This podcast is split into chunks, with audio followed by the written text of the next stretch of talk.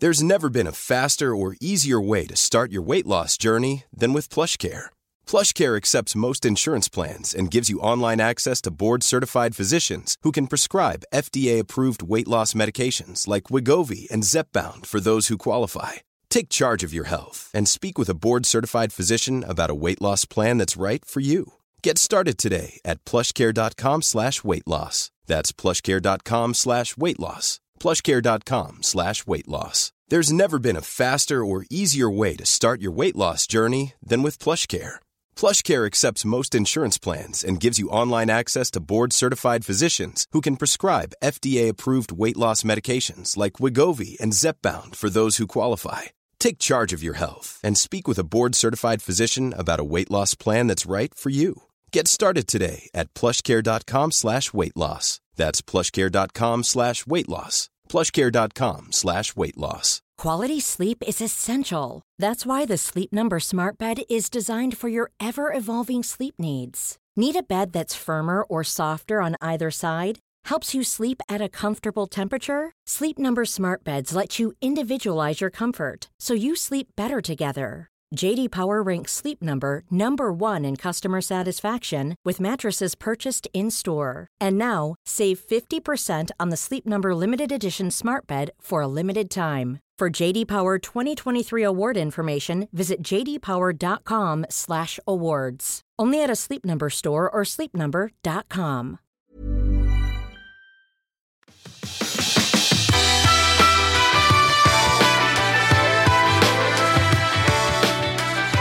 Hej och välkommen till Klimakteriepoddens 43 avsnitt med mig, Åsa Melin. Ni var många som gillade avsnitt 37 med stressforskaren Anders Tengström, där en aha-upplevelse var att hormonell stress är lika jobbigt för kroppen som psykisk eller annan fysisk stress kan vara. Så här kommer komma lite konkreta råd för att ta detta vidare och så ska vi få lära oss att varva ner och hantera jobbiga situationer som är relevanta för oss kvinnor i övergångsåldern. Och med mig har jag psykolog Daniel Ek. Det är ett lite extra långt avsnitt i lägre tempo som kan vara utmanande i sig, så se till att du känner att du har tid att lyssna. Välkommen!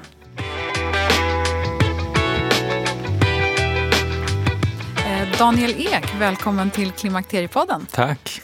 Du är legitimerad psykolog och eh, du jobbar även mycket med mindfulness och yoga och såna här saker. Men idag ska vi eh, framförallt prata om basen till varför vi blir stressade och hur vi kan hantera det. Och du har ju också skrivit en väldigt intressant bok som heter Tid att leva tillsammans med ett par med eh, författare som vi ska prata lite grann om. Och sen så har vi i podden tidigare fått höra om KBT och ACT, hur det kan hjälpa kvinnor i övergångsåldern. Så jag tänker att vi ska ta lite sådana här olika frågor. Du kan väl bara berätta lite mer om dig själv? Mm. Eh, ja, jag jobbar som psykolog i 12 år. Jag har eh, ett stort brinnande intresse för personlig utveckling jag tar in väldigt mycket information från olika delar av psykologin och forskning och, vetenskap för att ja, helt enkelt bredda och öka förståelsen för hur vi människor funkar. Hjälpa mig själv och hjälpa andra människor. Mm. Och de senaste åren så har jag speciellt varit intresserad av stress och speciellt utifrån ACT. Och mindfulness. Mm. Så det är någonting som har funnits med mig. Mindfulness har jag hållit på med i kanske 15 år. Som en egen praktik men också hjälpa andra att förstå fördelarna av det. Komma igång och träna. Ja. Du är också knuten till ett företag som heter Goodwork. Mm. Och där jobbar ni ju mycket med eh, stresshantering gentemot företagskunder eller ja, företag, precis. eller hur? Ja, så där jobbar vi egentligen med väldigt liknande principer som vi gör också med, med individer. Om man ut, utgår ifrån ACT så kan man säga att det som är lite speciellt med ACT är att man kanske inte lär ut en teknik som är specifik för en viss kontext utan utifrån ACT så lär man ut breda strategier som funkar i olika miljöer och olika kontexter. Så man är väldigt intresserad av grundforskning. Vad är det som gör att vi människor hamnar i psykisk ohälsa och undvikande och beteenden som inte hjälper oss på lång sikt? Och de är samma ofta eh, för individer och för organisationer. För i organisationer finns det ju individer. Mm. och det är enskilda individers beslut och förhållningssätt som påverkar hela organisationen. Så att vi lär ut ja, helt enkelt förhållningssätt till eh, vad som är viktigt i livet, mina värden, men också hur jag hanterar inre skeenden som vi kallar det för, liksom känslor och tankar. Det är ofta de som ställer till det för oss. Om vi backar bandet lite grann. Så här, vi, vi hade ju Anders Tengström med i ett avsnitt och då pratade vi om stress. Och en av de aha-upplevelser som jag fick då var ju att psykisk och fysisk stress är egentligen samma sak. Det påverkar oss på samma sätt. Och då får du in en tredje komponent eh, när man hamnar i hormonell obalans vilket ju är en form av psykisk och fysisk stress. Så att det liksom, du bara lastar på. Ja. Eh, och väldigt många av lyssnarna vittnar ju om det här. Eh, att de, är, de känner sig stressade. Redan i förklimakteriet så får man en massa symptom som man känner av. Många upplever sig dels stressade men sen också det här sömnsvårigheter, irritation och svårt att koncentrera sig. En del pratar om hjärndimma. Mm. Eh, dessutom så har många såna livssituationer som är påfrestande med jobb, tonåringar, ekonomi och förhållanden som knakar och utbrändhet och en hel rad olika saker som staplas på varandra. Mm. Och många får ju då liksom någon form av depression i den här i olika eh, grader. Så det, om vi kan fokusera på det och sen skulle jag först vilja komma tillbaka till det här som vi har hört tidigare att KBT kan hjälpa mot övergångsbesvär. Mm. Berätta dels lite grundläggande vad KBT är och hur man kan applicera det på just den här personen. Ja, så man kan säga att KBT är ju kognitiv beteendeterapi man kan säga så att de, om man kommer till terapi av något slag eller att man vill ha ett samtal så är det ofta för att man har en känsla som man vill bli av med. Det här känns jobbigt, det är stressigt, det är tungt, det är tufft, jag är ledsen eller nedstämd eller orolig eller så vidare. Och det man ser i, tittar på i KBT är att ja men det är ganska svårt att direkt påverka en känsla och bli av med den. Och beroende på hur jag beter mig och hur jag tänker kring de här känslorna eller kring mitt liv eller kring vissa situationer så skapar jag också vissa känslor och kanske håller fast vid negativa känslor eller skapar ett beteende som vidmakthåller eh, den här problematiken. Så om jag ska ta ett exempel då. Som, mm. Eh, säg att jag vill gå på en fest. Sen har jag en tanke om att ja, men, jag har hjärndimma, jag känner mig tråkig, jag eh, är inte i min fulla potential eller folk kommer tycka jag är tråkig eller jobbig. Man kan ha väldigt många olika typer av negativa tankar. Om jag tror på de tankarna så jag kanske går på den här festen ändå för att ja, men jag, jag ska nog gå dit ändå. Eh, men när jag är på festen, vad, vad, de här tankarna som är ganska starka då för mig, att ja, men, eh, jag är tråkig eller jag, jag kan inte bidra med så mycket. Vad kommer det leda till om jag köper de tankarna? För att exemplifiera vad KBT är i den här situationen så kan man kunna säga att ja, mina tankar kanske får mig att styra mig bort från det här samtalet eller jag tänker att nej men jag drar mig undan eller jag går inte till de här närmar mig inte de här personerna som jag egentligen vill prata med för att det är lite pinsamt, att jag känner mig att jag är en liten hjärndimma och så vidare. Så börjar jag undvika olika situationer. Och det här är det som skapar eh, en bekräftelse på att jag, ja men jag är ju tråkig eller folk är inte så intresserade av mig för jag fick ju inte så många samtal. Eller, mina beteenden påverkar och förstärker känslorna av att jag är fel på något sätt eller trasig eller ointressant. Så i KBT handlar det om att vi kan inte ta bort en känsla men hur du hanterar känslan eh, och olika situationer påverkar eh, dig på ett sätt som antingen kan förstärka känslan och tanken. Att jag är en tråkig person. Eh, folk tycker jag liksom korkad när jag är i den här hjärndimman till exempel. Eh, eller så kan jag bryta den. Och det handlar KBT om. att Hur kan jag bryta mina föreställningar om mig själv och mina beteenden som vidmakthåller och håller fast i de här föreställningarna. Så ge ett exempel då på den här festen. Mm. Hur, hur, hanterar man, liksom, hur hanterar man den då i KBTns värld? Ja, det finns ju olika sätt. Så man kan också tänka på, inom KBT så tänker man också, vad tänker jag i den här situationen? Eh, och ofta så, man pratar inom KBT om tankefällor. Så vårt tänkande är ofta inte så sant och det är ofta inte så eh, balanserat. Utan vi kan hamna i till exempel allt eller inget tänkande. Som att eh, Eh, om inte jag ger ett jättebra intryck då kommer folk tycka jag är tråkig. Eh, och då är det lika bra att jag inte närmar mig de här personerna ens. Så det kan vara en, en liksom väldigt svartvit tänkande som man är fast i.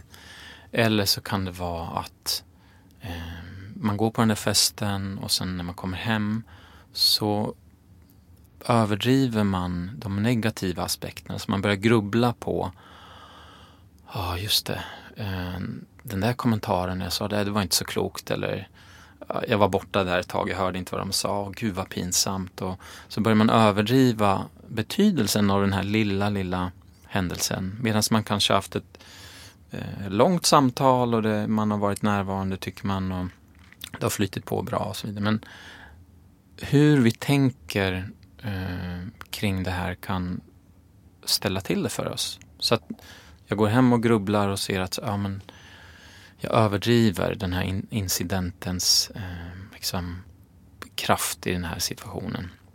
Och sen nästa gång så kanske jag undviker ännu mer. Eh, eller börjar grubbla ännu mer kring de här sakerna. Så man, man, man tittar på Inom KBT tittar man mycket på tankefällor till exempel. Så då lär man sig ifrågasätta dem. Hur kan jag veta det?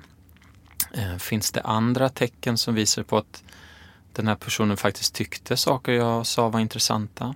Så att man börjar liksom hjälpa ens filtrerande eh, negativa filter kan man säga. Då, att man ifrågasätter det. Stämmer det verkligen? Nej, om, om jag börjar noggrant titta så kanske jag ser att det var sju personer som pratade med dig och alla verkar vara intresserade. Ja, det var en åttonde person som vid något tillfälle kanske inte verkar vara så intresserad. Men det skulle kunna bero på andra saker. Det kanske beror på den personen och inte på mig. Så att man börjar liksom balansera upp sitt eh, tänkande och ifrågasätta sina negativa tolkningar. Så en form av KBT som har visat sig vara effektiv för just värmevallningar eh, och, eh, och ja, symptom helt enkelt som kan dyka upp under den här fasen är tillämpad avslappning. Och tillämpad avslappning det är helt enkelt som det låter att jag lär mig att slappna av i kroppen och tillämpa det i olika situationer i många olika vardagssituationer. Så jag tränar upp förmågan att ganska snabbt på 30 sekunder kunna ah, sätta igång den här avslappningsresponsen skulle man kunna kalla det för. Och då använder man det i situationen när man känner att okej, okay, jag får en värmevallning här eller nu, nu blir jag, eller jag irriterad. eller, eller, Ja, eller jag får inte få det, jag blir nervös eller frustrerad eller någonting. Okej, okay. ah, slappna av och eh, landa i kroppen igen. Så att, och den, enligt en studie så har det visat sig vara effektivt. Så om du blir arg och frustrerad för att du är varm i kroppen, kommer du öka eller minska din värme? Du kommer öka din värme. Frustration innebär att jag ah, sätter igång kroppen, blir varm. Så att tillämpad avslappning skulle man kunna säga, det funkar troligtvis på det här viset att istället för att gå i kamp med den här värmen som kommer så tillåter jag den, slappnar av och accepterar den på ett sätt. Och man kan också säga att tillämpad avslappning sänker generellt ens stressnivåer. Så att när jag sänker mina stressnivåer så blir inte såklart heller värmevallningar lika påtagliga. Så att det är ganska likt på ett sätt mindfulness och acceptans eh, begreppet att istället för att gå i kamp med eh, någonting som sker i min kropp så accepterar jag och tar emot det som det är av situationer. Och ACT då, som är en vidareutveckling eh, av KBT. Hur, hur appliceras det? Du kan ju berätta vad mm. ACT är och vad det ja. betyder först kanske. Så ACT eh, står för Acceptance and Commitment Therapy. Och man kan säga att ACT utgår ifrån att tankar och känslor är någonting som vi har väldigt lite kontroll över. Det är någonting som oftast kommer upp automatiskt. Och man, man ser att psykisk ohälsa, att må dåligt, att fastna i saker och ting som inte är bra för oss beror inte på tankarna i sig, att de är negativa till exempel, utan det beror på mitt förhållningssätt till tankarna. Så att jag försöker, om man säger så här att djur, om man, om man tar en liknelse, man, man har en eh, snigel. Om man, man petar på en snigel så drar den ihop sig för den, den ogillar liksom oh, smärta.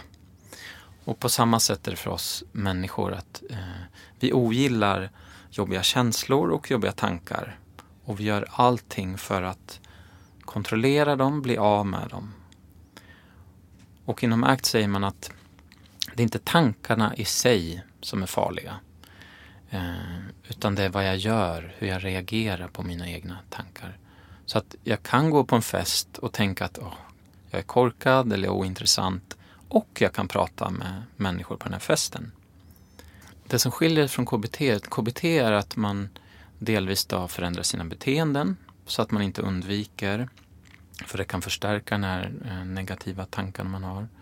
Men också att man går in i tankarna och ifrågasätter dem och förändrar dem så att de blir mer balanserade eller lite mer typ, kanske neutrala eller positiva hållet. Medan ACT har ett annat grepp och det handlar om att du kan tänka vad du vill. Det spelar ingen roll om du har positiva eller negativa tankar. Eh, det som spelar roll är hur du förhåller dig till den här situationen. Hur jag reagerar ja. på min egen tanke. Ja. Så om jag drar mig undan och tror på dem eh, då påverkar mig på ett visst sätt. Om jag tror på dem så kanske jag också försöker att överkompensera. Så att ah, jag tror att jag är korkad och tråkig så då kommer jag verkligen, jag kommer dricka jättemycket kaffe innan för att jag ska vara pigg och jag kommer försöka att göra mitt allra bästa och jag kommer liksom stressa igång mig själv för att överprestera i den här situationen. För jag tror ju på de här tankarna. Ja. Så utifrån ACT handlar det mer om att börja observera att tankar är tankar.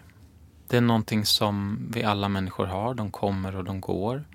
Och de är inte våra fiender. Vi behöver inte tänka positivt om oss själva. Vi behöver inte hela tiden hålla fast i positiva känslor och trycka bort negativa känslor. Utan vi kan lära oss att förhålla oss till det på ett sätt som gör att de inte krokar fast i oss och hindra oss från att gå på den där festen. Så att lite skulle man kunna säga att öva upp toleransen att ha jobbiga känslor och ha jobbiga tankar.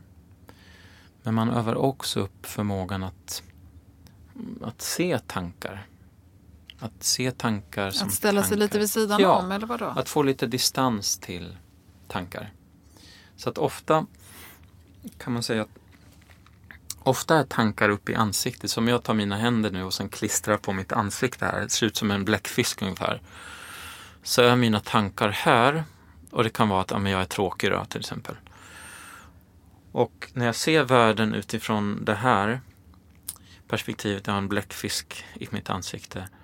Då kommer jag bara ta in information som handlar om att jag är tråkig. Jag ser inte att jag har en bläckfisk över ansiktet. Så jag köper den här bläckfisken som en sanning. Att ja, jag är tråkig, punkt slut.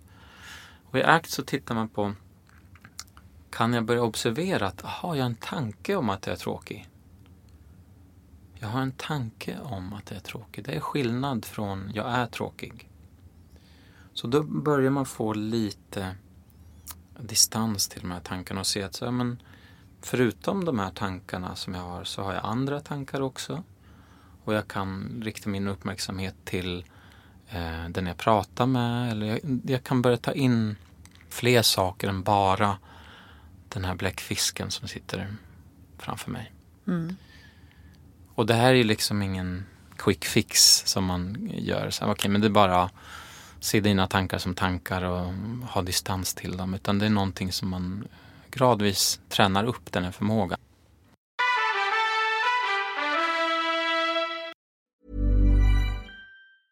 Have catch yourself eating the same flavorless dinner three days in a row? Dreaming of something better? Well, hello fresh is your guilt free dream come true baby. It's me, Gigi Palmer.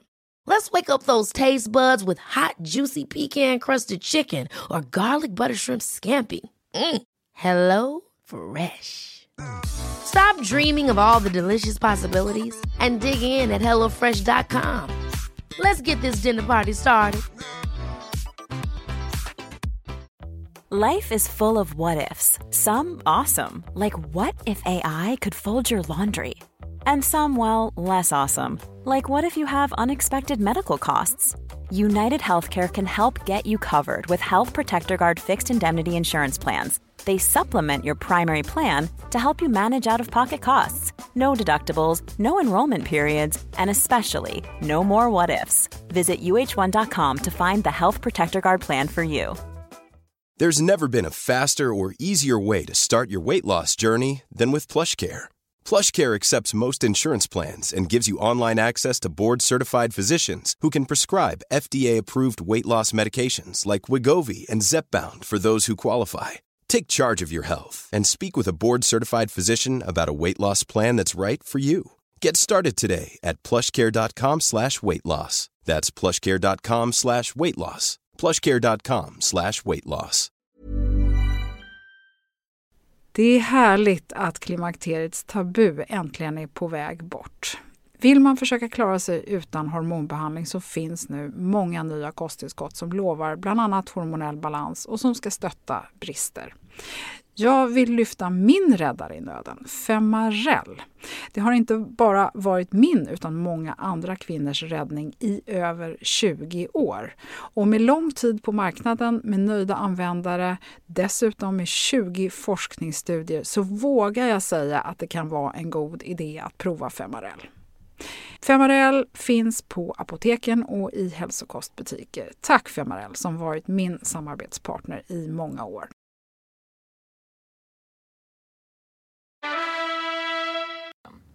Och kan man eh, tänka om man nu lider av just övergångsbesvär som ofta då handlar om liksom den här stressen som vi, i det vi började med nu, där, som får en massa olika negativa följdsaker.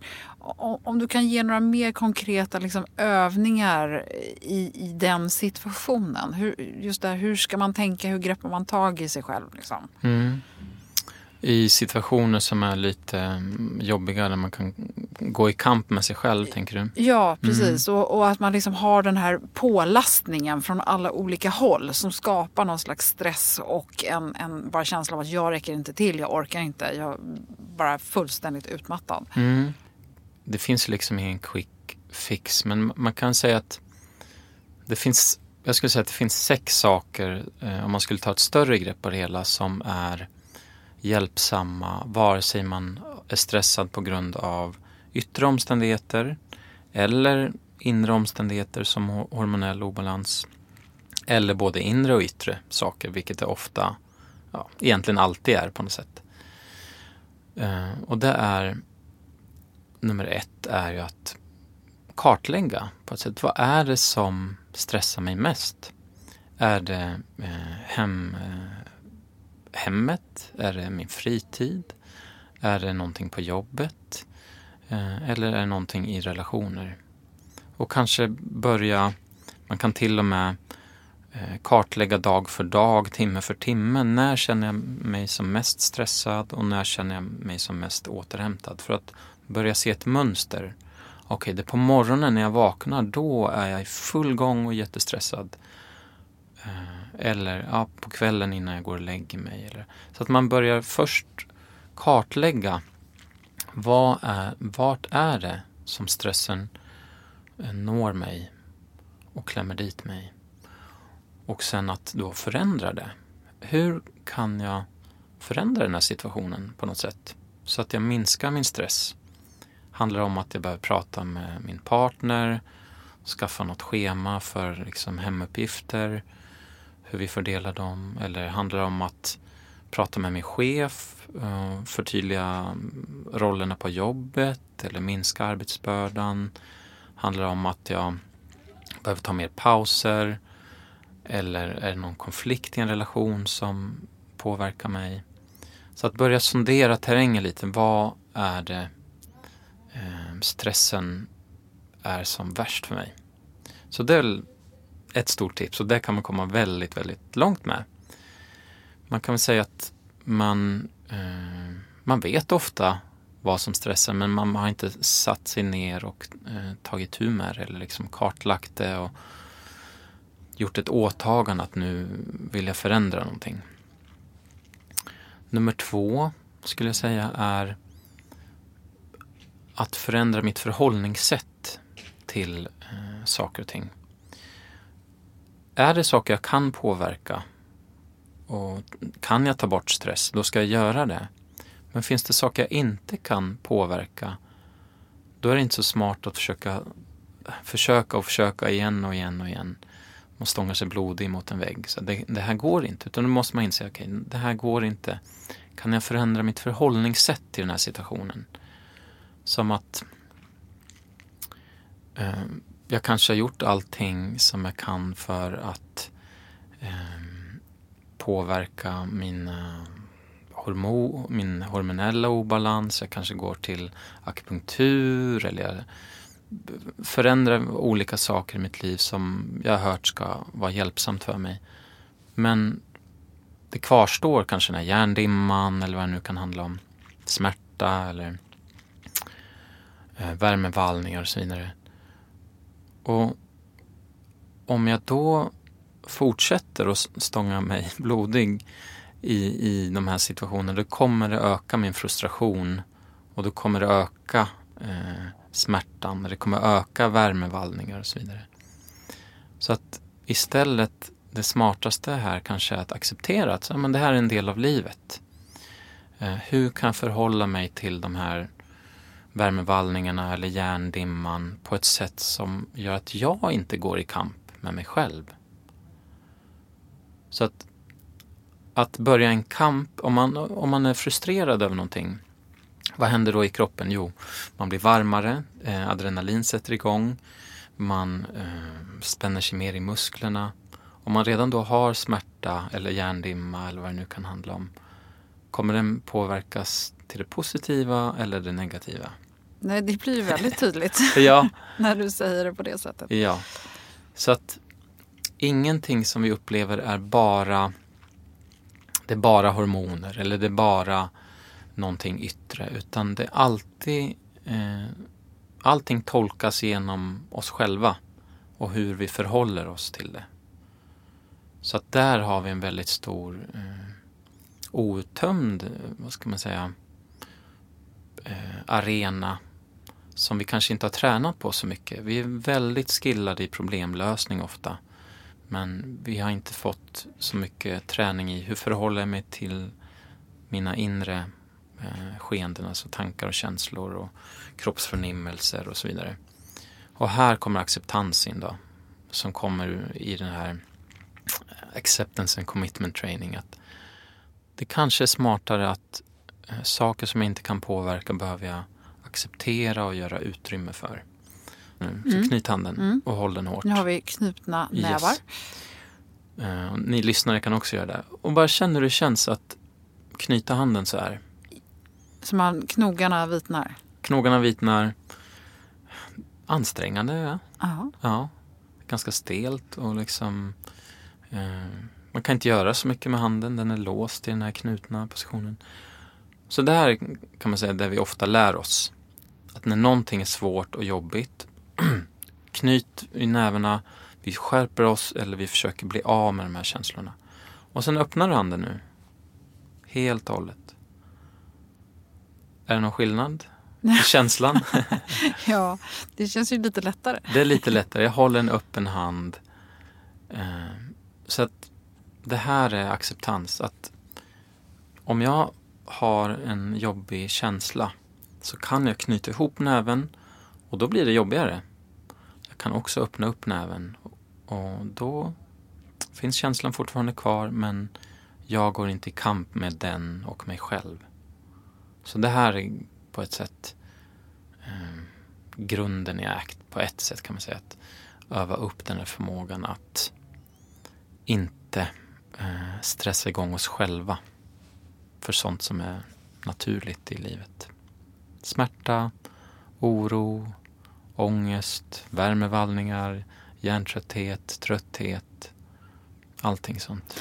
Så tredje punkten är återhämtning och sömn. Så problemet med stress är inte stress. Stress är jätteviktigt för organismen och för kroppen.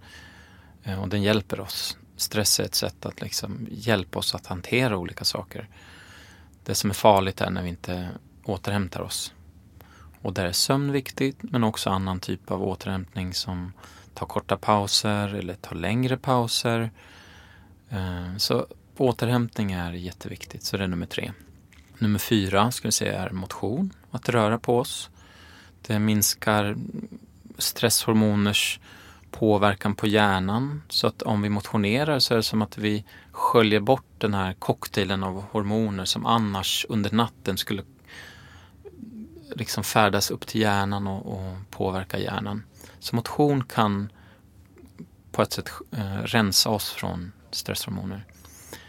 Och nummer fem är eh, medveten närvaro. I det här informationssamhället som vi lever i så är baksidan av det är ofta oro. Vi tänker och tänker och tänker. Och i tankarnas värld så kan allting vara möjligt. Alltså negativa och positiva saker. Så vi kan överdriva väldigt mycket saker. Vi kan oroa oss för saker som inte har hänt men som vi tror kommer hända. Så vi stressar oss allt mer och mer i det här samhället. Troligtvis också för att vi använder tänkandet som vår huvudstrategi liksom, att eh, ta in världen. Medan tidigare så kanske man har jobbat mer med kroppen. Bondesamhället var annorlunda. Det var inte lika mycket information. Man jobbade mer med kroppen. Och kroppen är motion och det är också eh, närvaro här och nu. Så medveten närvaro är eh, någonting som blir viktigare och viktigare i det här samhället. Och nummer sex skulle jag säga är, vad är mina värden eller vad som är viktigt för mig? För det är någonting också som vi blir, vad ska man säga? Jag skulle kunna säga som att vi, vi, vår hjärna är kapad av intryck och påverkan utifrån hur man ska leva sitt liv, vad som är viktigt och så vidare. Och normen är inte alltid så hälsosam. Den dyraste varan som man betalar mest pengar för är uppmärksamhet. Så företag betalar för att vi ska eh, de ska få vår uppmärksamhet en millisekund.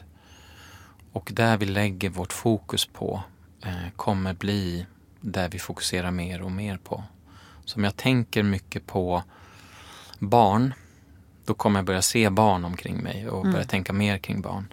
Om jag tänker mycket oroande tankar, negativa tankar, då kommer jag få mer av negativa tankar och oroande tankar. Och så vidare. Våra värden, vad är egentligen viktigt för mig? Om jag försöker att tänka på tänka bortom normen, tänka bortom vad mina föräldrar vill, mina kollegor vill och så vidare. Vad vill jag? För där kan vi hitta både återhämtning, meningsfullhet och göra saker som ger oss näring. Eh, istället för ett sånt som jag borde göra det här eller jag måste göra det här. Mina grannar gör det här eller mina vänner har ju gått den där kursen. Jag kanske också borde göra det. Det är så mycket intryck från andras värld som vi eh, matas med, som inte har gjort, som, så har det inte sett ut samhället för 30-40 år sedan. Så här handlar det om också att hålla koll på vad är mina värden? Så att jag inte lever någon annans liv. Det minskar också stress. Ibland pratar man om existentiell stress. Att jag lever inte mitt liv och det stressar mig. En slags djup existentiell stress. Så det är de sex punkterna som jag skulle förespråka. Eller liksom i Där man tar tag i det hela. Ja. ja. Jag, jag, tänker ju spontant nu på sociala medier och eh, en del kanske just nu är på väg att fundera på semestrar och ska vara lediga och lite sånt där. Mm. Hur, hur, ska man hantera en ledighet om man nu bestämmer sig för att man ska försöka koppla av? Mm. Så att vara ledig är ju inte synonymt med återhämtning. Det glömmer vi ibland. Så att man kan säga att bara för att jag är ledig så betyder det inte att jag kommer gå ner i varv. Det är en förutsättning eller det kan vara väldigt hjälpsamt eh, att vara ledig för att gå ner i varv. Eh, men det finns studier som visar på att eh, titta på en sjuksköterskestudie där man eh, sjuksköterskor slumpades till att jobba antingen med spädbarn en dag i veckan eller vara ledig en dag i veckan. Och så visade det sig att de som jobbade med spädbarn blev mindre stressade än de som var lediga. Så att man behöver förstå vad är det som ger mig återhämtning när jag är ledig. Och någonting som ofta inte ger återhämtning är att bli distraherad lätt. Till exempel att kolla sin mobil väldigt ofta eller kolla sin mail eller Facebook. Så att, att sortera, att skapa en miljö som främjar eh, närvaro. Att kunna göra en sak i taget. Att inte multitaska, för det har man sett att det stressar oss. Så att ett tips är att städa miljön om man säger så att den blir så distraktionslös som möjligt. Så jag kan göra en sak i taget. När jag äter så äter jag, när jag är med barnen så är jag med barnen. När jag går i naturen så går jag i naturen. Då har jag kanske stängt av mobilen och så vidare.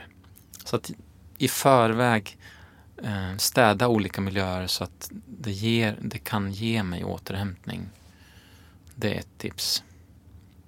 Jag tänker också, många passar ju på att vara ute och resa och upptäcka nya saker eller göra saker. Det är det, mm. Man byter helt miljö och man byter helt eh, ja. det man brukar göra. Är det positivt eller negativt för stressnivåerna? Just det.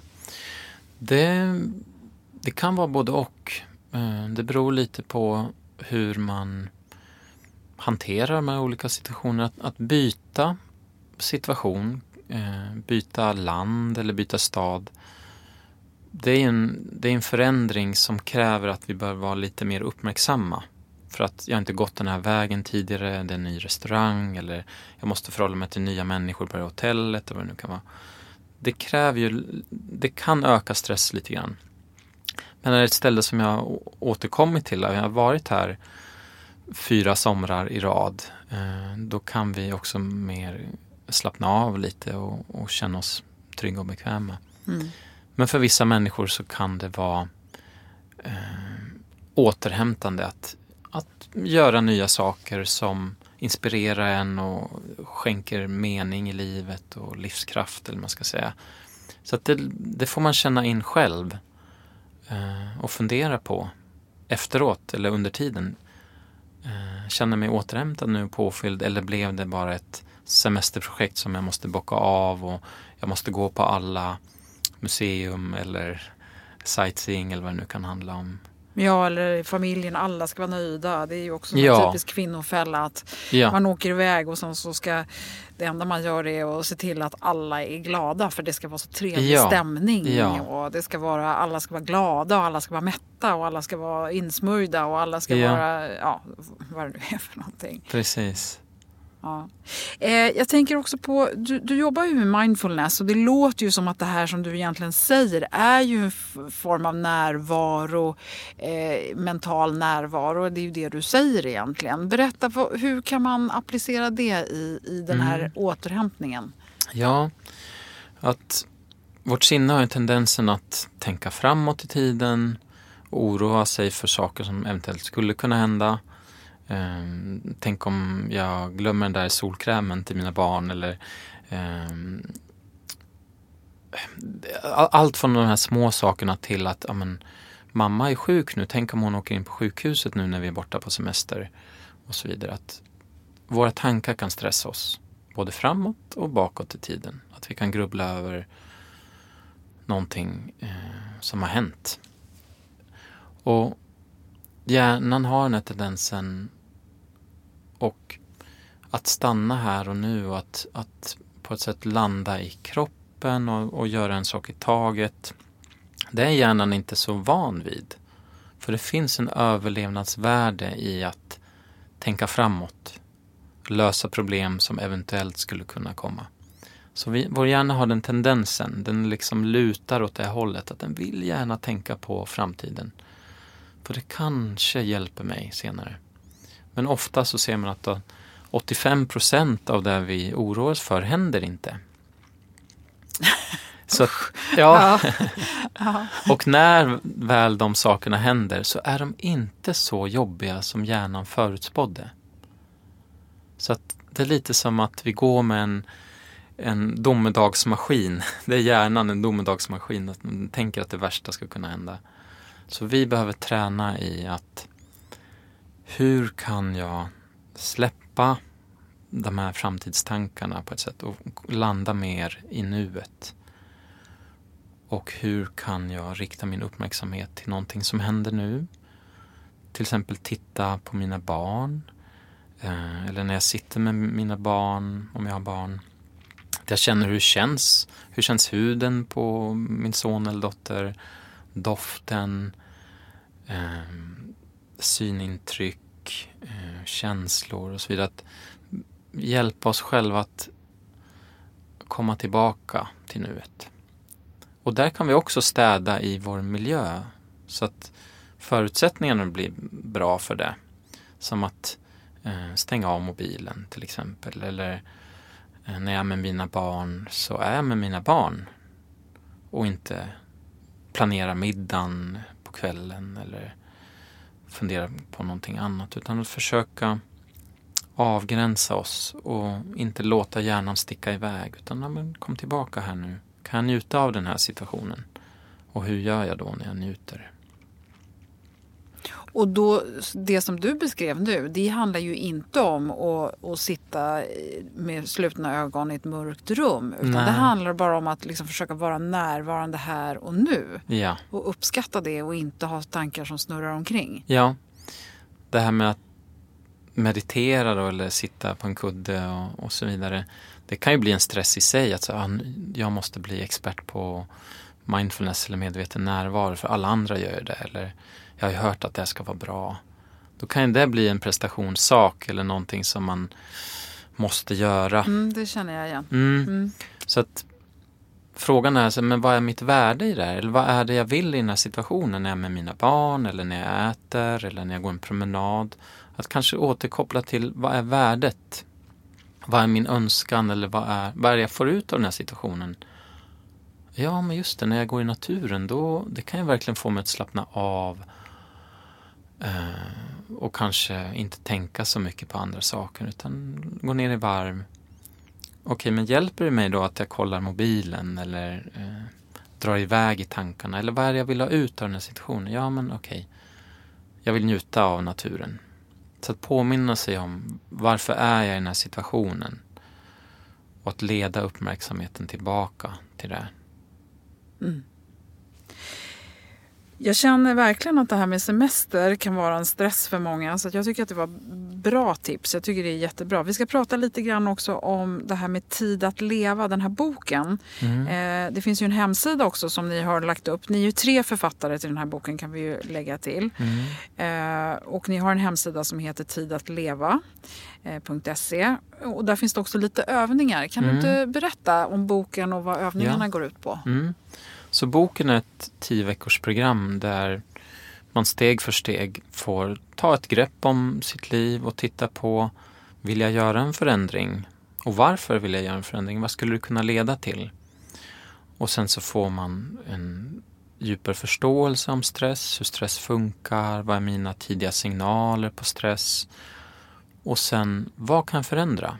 Som vi pratar om den här, de här sex pelarna.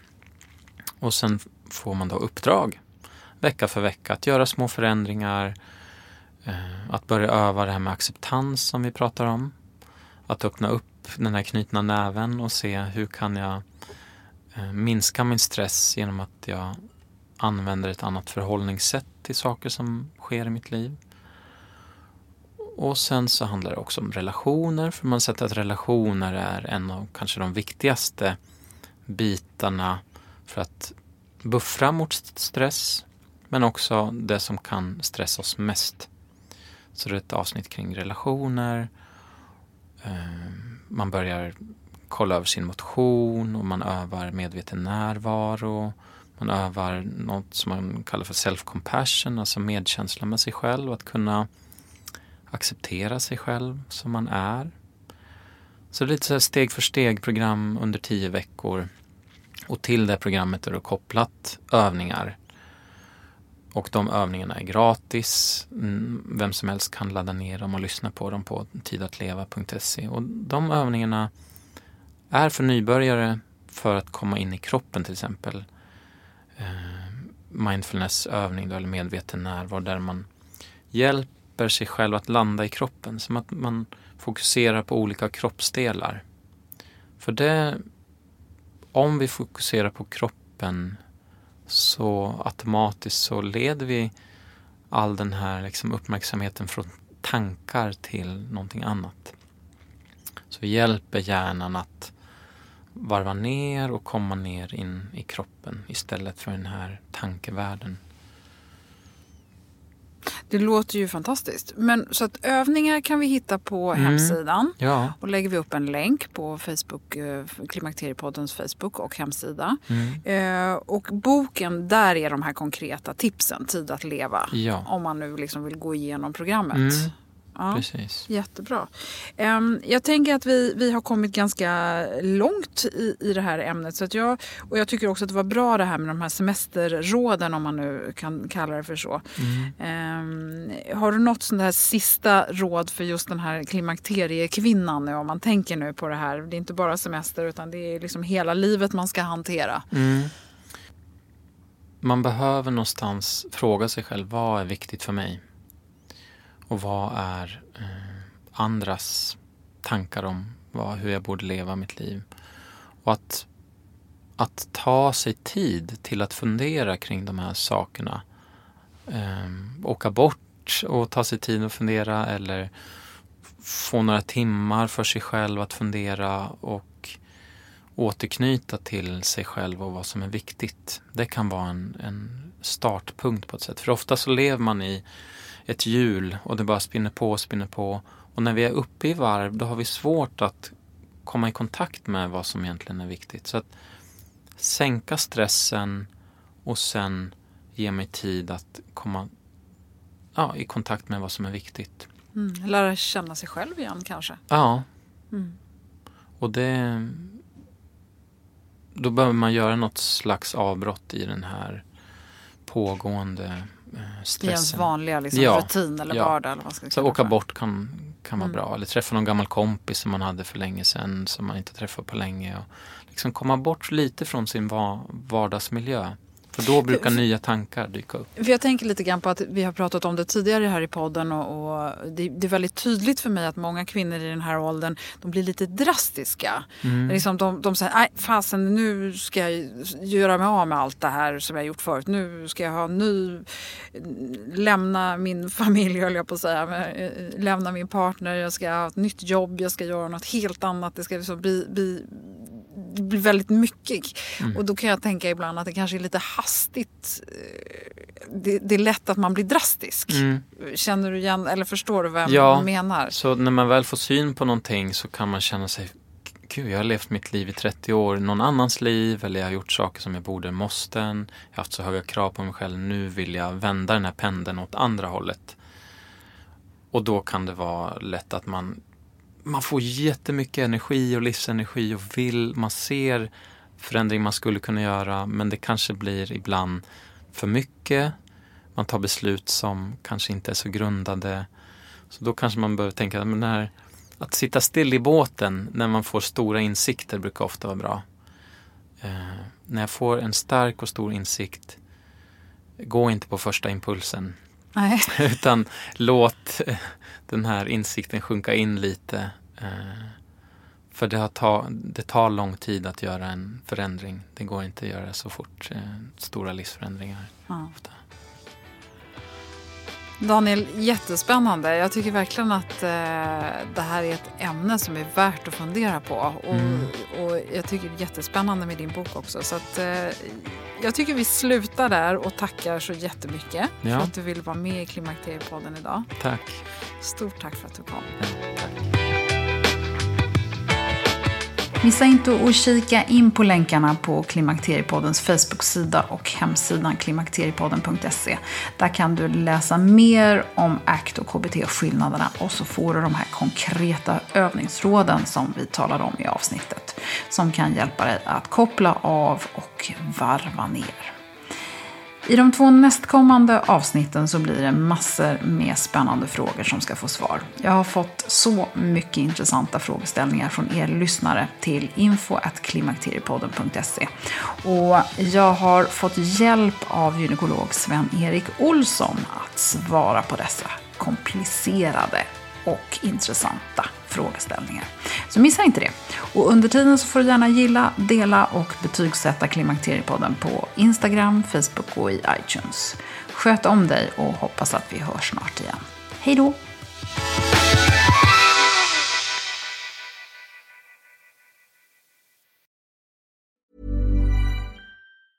Hey, it's Danny Pellegrino from Everything Iconic. Ready to upgrade your style game without blowing your budget? Check out Quince. They've got all the good stuff shirts and polos, activewear, and fine leather goods, all at 50 to 80% less than other high end brands. And the best part? They're all about safe, ethical, and responsible manufacturing. Get that luxury vibe without the luxury price tag. Hit up quince.com slash upgrade for free shipping and 365 day returns on your next order. That's quince.com slash upgrade. Hold up. What was that? Boring. No flavor. That was as bad as those leftovers you ate all week. Kiki Palmer here, and it's time to say hello to something fresh and guilt-free. Hello Fresh. Jazz up dinner with pecan-crusted chicken or garlic butter shrimp scampi. Now that's music to my mouth. Hello Fresh. Let's get this dinner party started. Discover all the delicious possibilities at hellofresh.com. Imagine the softest sheets you've ever felt. Now imagine them getting even softer over time. That's what you'll feel with Bowl and Branch's organic cotton sheets. In a recent customer survey, 96% replied that Bowl and Branch sheets get softer with every wash. Start getting your best night's sleep in these sheets that get softer and softer for years to come. Try their sheets with a 30-night guarantee. Plus, get 15% off your first order at bowlandbranch.com. Code BUTTERY. Exclusions apply. See site for details.